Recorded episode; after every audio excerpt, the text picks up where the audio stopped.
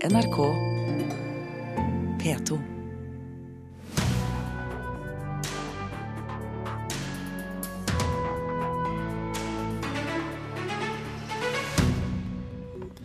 Det går mot politiske skifter flere steder i landet. Hva kommer det til å bety for kulturpolitikken? Det skal tre kvalifiserte aviskommentatorer svare på her i Kulturnytt. Satiremagasinet Charlie Hebdo har hevdet at de kan spøke med alt. I dag møter de kritikk for å gjøre narr av den druknede syriske treåringen. Og så spør vi har den danske regissøren lykkes i å vise oss nordmenn hvordan Ibsen egentlig skal spilles? Vår teateranmelder er på vei inn i studio, og sendingen får du med Birger Kolsrud Jåsund. Vi skal til eh, den eh, saken som det har dreid seg veldig mye om eh, den siste tiden, nemlig valget. Og vi har fått tre kommentatorer med oss i dag og det er uh, Mode Steinkjer uh, fra Dagsavisen, Lasse Jangås fra Tromsø og Hilde Sandvik fra Bergens Tidende i Bergen, selvsagt. Velkommen, alle sammen. Takk. Takk, takk. Vi går rett på sak. Kampen om høyrebyene Oslo, Bergen og Tromsø den har vært klar og tydelig gjennom hele valgkampen og har nå også fått sitt resultat Eh, I hvert fall når det gjelder eh, Bergen og Tromsø. Skal vi begynne likevel i Oslo, Mode Steinkjer. Der er det nå slik i skrivende stund at eh, den røde siden har 26 mandater, den blå siden har 28, og så ligger altså De grønne på vippen. Kommer dette til å bety noen ting hvis vi snakker om kulturpolitikk? Det er klart det gjør det. De Grønne har jo ikke markert seg som det store Kulturpartiet når det gjelder eh, handling, eh, når det gjelder eh, det å legge økonomi bak. Samtidig så er de ganske klare på hvor de vil med kulturpolitikken.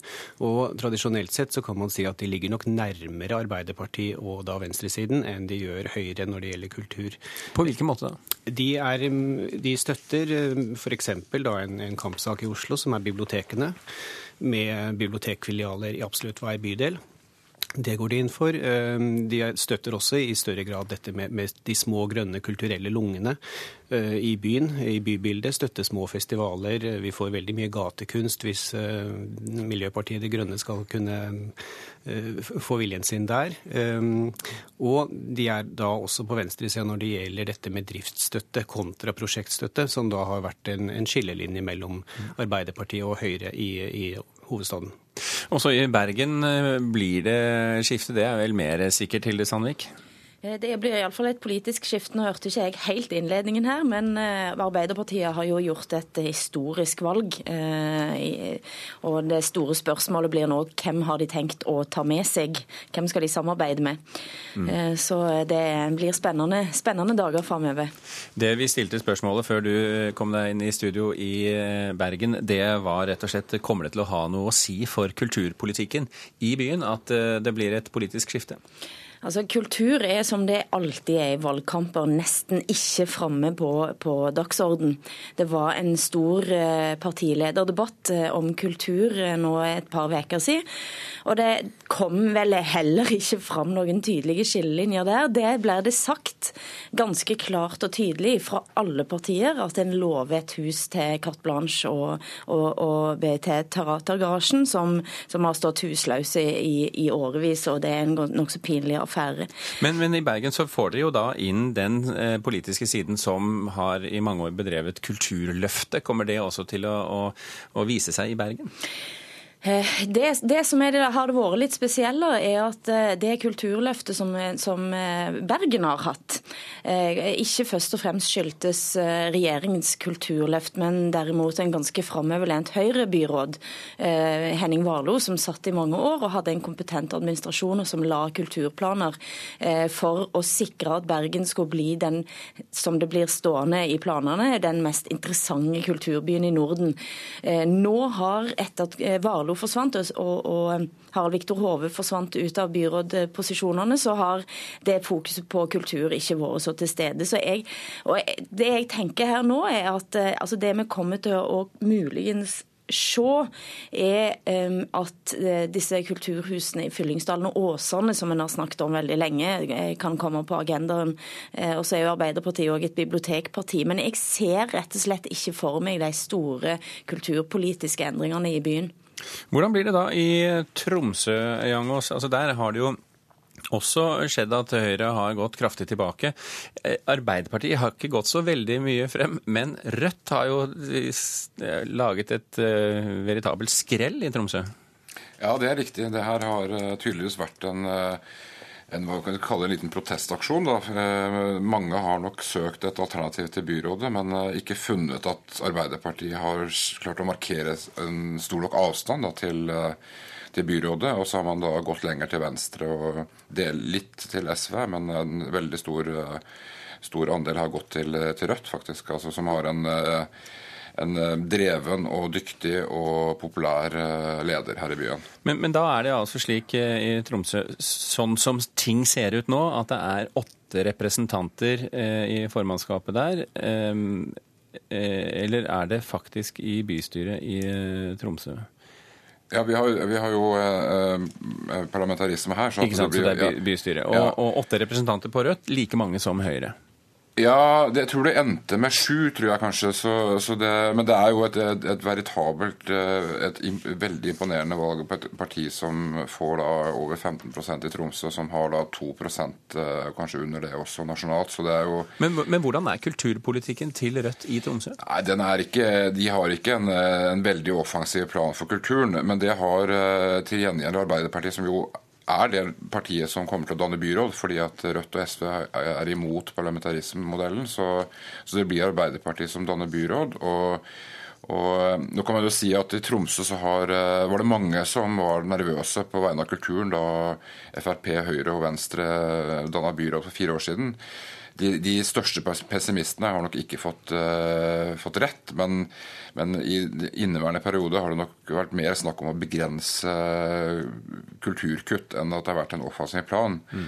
Men, men uh, nå i, i, valgkampen så har jo Arbeiderpartiet da presentert hvert fall en, et manifest for sin satsing på kultur. Og, da, og her er det inne både kan du si, tradisjonell kultur for barn og unge, altså billigere Eh, kulturskole, mer satsing på skolesekken, men også en, en, økt satsing på de profesjonelle, spesielt de frie kunstnerne. Her har man lagt vekt på. Og Jeg vil jo tro at det er lettere for eh, Arbeiderpartiet å få med seg SV og Rødt om en offensiv kulturpolitikk enn det er for Høyre og, og samarbeide med Frp på det området. La oss snakke litt om kulturbyråder, og vi kan gå tilbake til Oslo. Mode Steinkjer. Det har jo vært en Venstre-kulturbyråd i Oslo den, de siste fire årene. Hvem, eh, hvem, peiler seg ut nå, eller hvem, hvem viser seg frem i, i, blant de røde i Oslo hvis det blir rødt byråd? Det er vanskelig å si. Eh, jeg tror at nå skal man forhandle eh, hvor eh, av Miljøpartiet De Grønne vil sette hardt mot hardt og, og, bikke mot den siden som kan gi mest. Såpass kyniske har de jo varslet at de vil være. Men la oss si at det blir de røde, da. Så vet vi at ordføreren og, og, og byråden er, er klare. Eh, men de har jo sikkert noen kulturpolitikere òg? Ja, eh, jeg kan nok tenke meg Nå er det jo snakk om at Miljøpartiet De Grønne kan ligge godt an til å få ordføreren. Jeg tror nok at kulturbyråden ligger langt nede på deres liste. Eh, da kan vi heller se mot, mot Arbeiderpartiet, hvor Victoria Evensen, som har sittet i kulturkomiteen også for Arbeiderpartiet i, i Oslo, har utmerka seg som den som har mest lyst til å kommentere kulturstoff, og som er mest inne i det, og som har, har best kompetanse. Så kan man også se for seg at SV kunne fått en kulturbyrå. Da, er det jo mye mer åpent på eventuelt hvem det skal bli. Men jeg, Victoria Evensen tror jeg nok kanskje er den som utpeker seg, hvis man skal allerede nå sette et navn på en ny kulturbyråd. De skal jo spekulere litt, ikke sant. Eh, Hilde Sandvik i Bergen, er det noen som peker seg ut der? Jeg, jeg prøvde å tenke litt desperat, eh, og det er dessverre ikke det sånn som det er nå. Det som er også det interessante situasjonen i Bergen, er at en vet jo heller ikke hva retning Arbeiderpartiet vil vende seg for å, for å danne dette byrådet. Om en kan se for seg eh, at de går mot eh, Venstre og KrF, eller om de går mot venstresida, altså og SV. Og Miljøpartiet. Sant? Altså det er, det er foreløpig nokså uklart. Noe jeg tenkte på som etter forrige spørsmål, som er litt interessant, er at Harald Skjeldrup, som nå blir byrådsleder, han var en av de som satt i styret i Bergen kino, eh, som var ekstremt motstander av salg den gangen. Og Jeg ser òg i partiprogrammet til, til, Arbeiderpartiet at eh, de gjerne vil sikre filmfestivalen BIFF. Eh, så en, mulig at en får en, en annen type filmsatsing i byen. At en kjøper tilbake kinoen, har jeg, har jeg liten tro på. Mm. Men et blikk for film har iallfall den godeste Harald Skjeldrup. Og, og kult kulturbyrådet fremdeles ikke helt eh. Nei, jeg må si at det syns jeg blir spennende. Ja. Eh, Jangås, eh, Tromsø, har de noen profilerte kulturpolitikere der som kan tenke seg å være byråd, tror du? Det er også veldig vanskelig å si. Her blir det jo uh, uansett da, et uh, Arbeiderparti-byråd på alle poster. Så, men uh, jeg tror at Arbeiderpartiet har lagt seg på en linje hvor man ønsker, fordi at man har byråder som da bør ha stor fagkompetanse, så, så er det ikke nødvendigvis slik at de, de, de, liste, de, som står øverst på lista, blir byråder. At man heller søker jeg vet at eh, det har vært nevnt uh, tunge næringslivsaktører som, som kandidater som finansbyråd. Så, så, det kan være at også kulturbyråden kommer fra kulturlivet, eh, men som har et Arbeiderparti-gen eller har partiboka i orden. La oss runde av eh, folkens, med å, å spekulere litt på kulturministeren. For det at eh, under et valg som dette, så er det jo ikke unaturlig at man omplasserer litt i regjeringen også. Og Hvis vi skal begynne med deg, Hilde Sandvik. Tror du det blir ny kulturminister etter dette valget? Det er godt mulig. Eh, vi har en kulturminister som ikke har markert eh, verken veldig stor interesse for kultur eller eh, kunnskap om kultur. Nå er det for så vidt Det har skjedd før i historien, det. Men, men det, har, det, det, er godt mulig at det kommer Uansett så vil det komme til å bli en, en endring i den kabalen etter, etter dette valget. Ja, jeg tror også det at det kultur eh, Ikke på linje med kultur- eh, og kunstfeltet i Norge i det hele tatt. Og har et veldig tungt nederlag i OL-saken i fjor. Så jeg tror nok at kulturministeren er en av de som nå må bli, bli bytta ut. Steinkjer?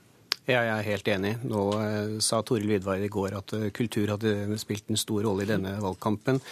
Det er en valgkamp som i hvert fall ikke jeg har greid å finne og følge med på. Og det er nok ganske sånn symptomatisk med hvordan hun har styrt som kulturminister. Eh, vært mer Ser ting som andre ikke ser? Ser ting som kanskje andre ikke ser, på en måte, ja. Men, men samtidig, hun, ha, hun er ikke hands on på kulturlivet i Norge. Og, og, hun snakker heller ikke den dialogen som han bare kanskje kunne. Så jeg tror kanskje vi går mot et skifte der. Vi runder av eh, med en relativ samstemthet i dette spørsmålet. Mode Steinkjer, Lasse Jangås og Hilde Sandvik, tusen hjertelig takk for at dere var med i eh, Kulturnytt.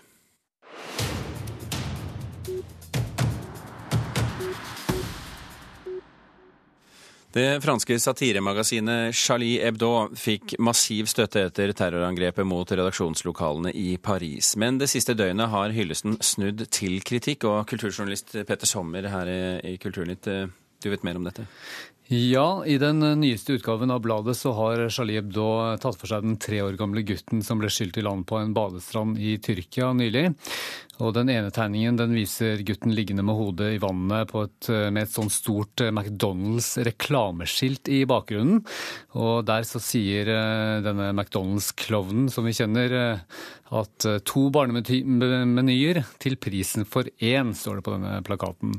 Og på en annen tegning så viser, vises Jesus som går på vannet ved siden av den druknede gutten. Og der er budskapet 'kristne går på vannet, mens muslimene drukner'. Dette vekker, eh, vekker reaksjoner, åpenbart? Ja, sinte sådan. I sosiale medier særlig, da. For, så får eh, dette satiremagasinet gjennomgå, særlig på Twitter. Og noen mener at det er direkte nedre og ikke minst nedverdigende overfor den syriske gutten og hans familie. Og andre sier at dette er billig humor i forsøk på å få seg eh, oppmerksomhet. Men Charlie Hebdo har jo sagt hele tiden at de kan spøke med alt og sparke i alle retninger, og det er jo det de gjør nå. Eh, får de ingen støtte av dette? Eh, ikke mye støtte, men eh, noe har vi da klart å finne når vi har trollet internett. Eh, Bl.a. i Sverige. Sveriges Radio har snakket med en serieekspert som heter Mikke Shiren. Og han er krystallklar på at Charlie Hebdo har truffet blink med disse nye tegningene av den syriske gutten.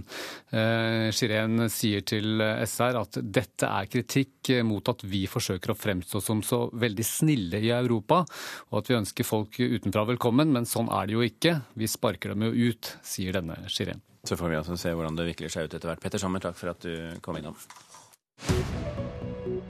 Klokken er 18 eh, minutter over eh, åtte straks. Du hører på Kulturnytt, og dette er toppsakene i Nyhetsmorgen nå.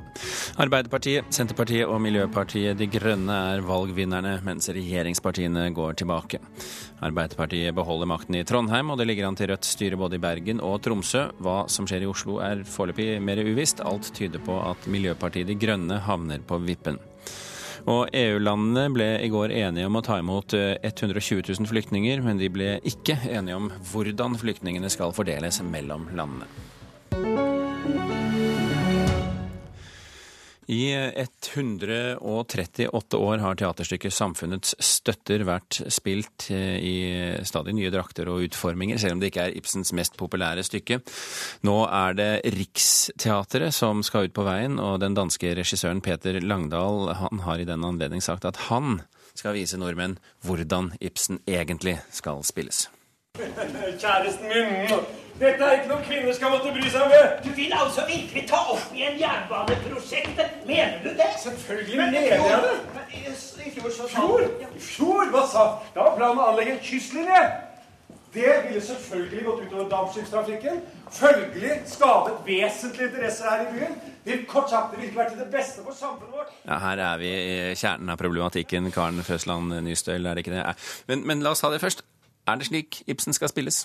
Det er nå slik Ibsen kan spilles. Eh, jeg vet ikke om det er sånn det absolutt skal spilles, sånn som Peter Langdal har iscenesatt det. Men det han har gjort, da, det er jo å, eh, å skape en opptempo-Ibsen. En, en Ibsen-forestilling der det skjer veldig veldig masse, og der det er morsomt. Der slapstick-humoren er til stede, og det er henta virkemidler fra ulike komediesjangre. Det, det er Ibsen med enormt mye fart i. Litt, er litt annerledes enn som har vært spilt uh, som regel? Ja, altså dette er jo et nåtidsdrama, selv om det er det aller første nåtidsdramaet Ibsen skrev. Og når man tenker på nåtidsdrama, så tenker man på alvor og løgn som avsløres, og, og en uh, ofte vanskelig utgang på et stykke. Men sånn er det jo ikke i Samfunnets støtte. Det ligger liksom litt mellom en komedie og realisme, dette her. Så... Skal vi benytte anledningen til å fortelle hva det handler om? Ja, det kan vi gjøre. Eh, Handlinga foregår i um, i Grimstad, eller inspirasjonen iallfall henta fra Grimstad. Vi møter en konsul som har bygd opp denne kystbyen, og som trekker i mange tråder. Hans livsverk er bygd på en løgn, og han velger til slutt å legge alle korta på bordet eh, og innrømme alt det han har gjort. Og da går det bra. Det slutter eh, lystig og fint, holdt jeg på å si, hos Ibsen denne gangen. Men det er en liten bismak når han da, som mange ledere gjør nå til dags, står fram og sier legger meg flat, beklager'. Eh, for det er kanskje kanskje òg en baktanke bak dette, og det er det litt sånn irriterende eller litt sånn eh, nagende momentet mot slutten av forestillinga. Hva motivet har egentlig Bernik for å gjøre de valgene som han gjør? Riksteaterets nye teatersjef eh, sier han vil gi teaterpublikummet det beste for de fleste, som et sånt slags slagord, mm. og mener da åpenbart at samfunnets støtter er eh, Ibsen for alle. Men er det det? Det er veldig tilgjengelig, og tematisk så er det lett å henge seg på, for dette handler jo om, om kvinnesyn. Altså kvinnene er jo underordna mannen i stor grad i dette stykket her, men det er jo de som er driverne, det er de som er samfunnets støtte, det er de det er noe med. Eh, og det handler jo om ledere som ikke utviser så god lederskap. Det handler om miljøvern, forsikringssvindel. Altså det er mye tematikk man kan kjenne igjen. Eh, og det er framstilt på en, eh, en, måte som jeg tror vil appellere til mange. Eh, dette er lystig Ibsen, på sett og vis. Det er jo ikke bare regissøren som er dansk her, det er et dansk kunstnerisk team. Hvordan var innsatsen til de i hovedsak norske skuespillerne? De har fulgt eh, regien på en veldig god måte, og jeg tror det er morsomt å spille Ibsen eh, og gjøre, gjøre så mange komedieting samtidig. Men det de har klart, da, spesielt de kvinnelige skuespillerne som spiller undertrykte, sånn som, eh, sånn som Martha, Martha Bernick, frøken Bernick, som, er, som, virkelig er den mest undertrykte av de alle, spilt av Ida Cecilie Klem, hun klarer å få fram det, det absurde i at hun skal være underordna gjennom nærmest stumfilmaktig spill, altså komediespill og store fakta. regissøren klarer å ta det videre til at det, man ser at det her er jo helt utrolig at går an å gjøre i dette samfunnet. Og det, det er jo fint gjort. Så hvis vi skal nærme oss en konklusjon? Så er dette, dette er nok Ibsen for alle, men jeg skulle nok ønska meg kanskje en annen slutt, litt mer alvor innimellom. I starten av stykket så ligger der en hund som er ihjelklemt under scenegulvet, så det starter på den måten. Så det er mye moro for alle, men litt mer alvor, det ville jeg gjerne hatt, faktisk. Er det da eh, er paradoksalt nok eh, grunn til å tro at det blir en suksess? Det er grunn til å tro at mange vil finne veien til Riksteatret i løpet av høsten, ja. Karen Frøsland Nystøl, takk for at du så Samfunnets støtter for oss, som altså har premiere i Grimstad, og så skal ut på veien etter hvert. Minidokumentarer på tre minutter er det nye store på radiofronten. Og programmet Radiodokumentaren her i NRK P2 inviterer nå alle som har lyst til en nordisk dokumentarkonkurranse. Kjetil Saugstad, prosjektansvarlig for dette, velkommen til Kulturnytt. Takk for det. Først av alt, radiodokumentar slik vi kjenner det, og, ofte her i P2 også. Lang, gjennomarbeidet og til dels eh, mangefasettert i, i fortellerstrukturen. Hva er eh, egentlig denne treminutterstrenden? Det er, en, eh, det er, et sånt format som har spredt seg fra, fra, USA. En stor festival der som heter Third Coast. Men det er jo veldig enkelt. Det er en Eh, en kort dokumentar, rik og mangefasettert og gjennomarbeida, og en enklere idé. Litt sånn uh, mininovelle, uh, om du vil. da. Et lite dikt, kanskje? Et lite dikt, for den del.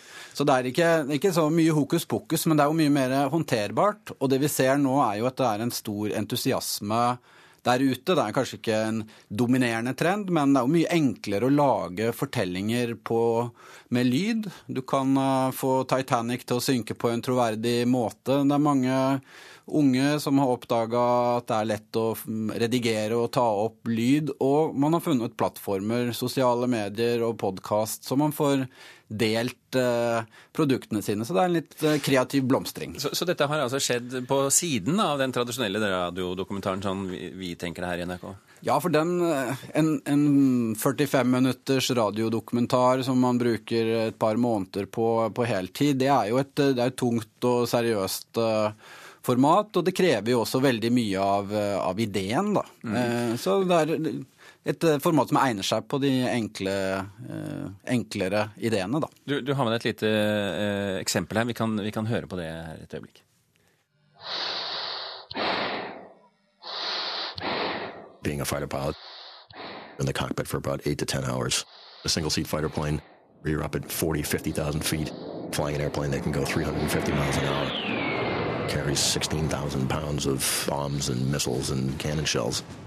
In combat, you have to fight and communicate and operate the airplane, trying to be part of this formation of two or four airplanes. When everything is usually very violent and you're grunting and straining against G forces, you were trained to take breaths in about every three to four seconds. But if you do it too fast, you'll hyperventilate. There's information coming in. So you had to be able to filter out what was important and what wasn't and hone it. In our headphones, there was the tone of a rattlesnake, and that told us that they were locking onto us with their best missile system. If it's a moonless night, you can't see the horizon, so it can be very disorienting. There's really no outside reference. You didn't fly in a straight level for more than about six to eight seconds. You wanted to bank left and right so that you could see down beneath you and see any threats coming up at you as well. There's people shooting at you, things exploding in the distance. AAA guns, higher caliber guns, C7 millimeter, even bigger guns, 85 and 100 millimeter surface there missiles. All the while you're navigating, listening to your leader. Take his Ja, så Dette er ganske intense saker. og ja. Det er riktignok bare et utdrag av en, en, en, minidokumentar. Dette var noe av det første hun Catty eh, Two, som laget dette, eh, gjorde på, på radio. På sånn seminar. Sånn veldig eh, som dukker opp i, i USA særlig. Da. Og det er jo klart Tre minutter høres kort ut, men det er en hel Dagsnytt-bulleteng hvor de forteller fem-seks forskjellige små historier. Det er to ok innslag på Dagsrevyen. Er det, er det noen grenser for Altså er det, er det, noen grenser for hva som kan fortelles innenfor denne sjangeren? Nei da, og vi, vi, vi, tror at vi er jo på leit både etter sære og journalistiske og poetiske ting. Det er egentlig veldig fritt fram. Det er noen sånn få spilleregler.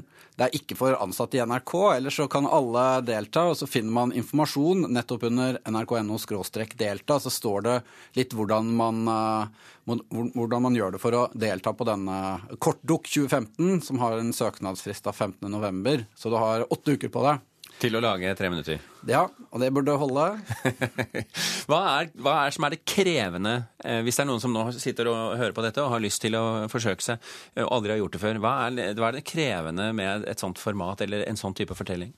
Jeg tror det er akkurat det samme som eh, med å lage en fin tegning eller en sang eller en novelle. Du må, du må ha noe på hjertet, så må du føle med magen og hvordan det høres ut og oppleves, og spille da for noen. Så det er egentlig det, det, som er fint for oss som liker radio, er at uh, flere har fått øynene opp for uh, muligheten til å fortelle med lyd. Ja. Kjetil Saugestad, eh, hva får vi nesten si, selv om vi sitter i samme båt? Lykke til med dette prosjektet. Og, eh, og, så får vi se hvor mange som deltar på dette etter hvert. Vi rekker, før vi runder av her i Kulturnytt, å ta med en liten melding om den danske restauranten Noma, ofte kjent som verdens eh, beste restaurant. De forbereder seg nå på å lukke dørene, for så å gjenåpne dem med et nytt konsept. Ved utgangen av neste år kommer restauranten til å flytte, og når den åpner igjen, så kommer det til å være med en egen integrert bondegård. Noma har flere ganger eh, blitt kåret til verdens beste restaurant og leder an i den såkalte nordiske matbølgen. Nye Moma, eh, Noma kommer til å ligge inntil fristaden Kristiania, der innbyggerne er kjent for alternativ livsstil og eh, dyrke litt andre ting enn bare mat. Det betyr at eh, vi har kommet til det tidspunktet på dagen der vi er i ferd med å runde av. Det er sannsynlig at vi får en ny kulturminister, er en av de påstandene som kom i den dagens Kulturnytt. Det mente i hvert fall kulturkommentatorer fra Bergens Tidende, Nordlys og Dagsavisen i dag. Satiremagasinet Charlie Hebdo har hevdet at de kan spøke med alt, og det har de nå gjort. Den treårige druknede syriske treåringen, f.eks. Hør flere podkaster på nrk.no podkast.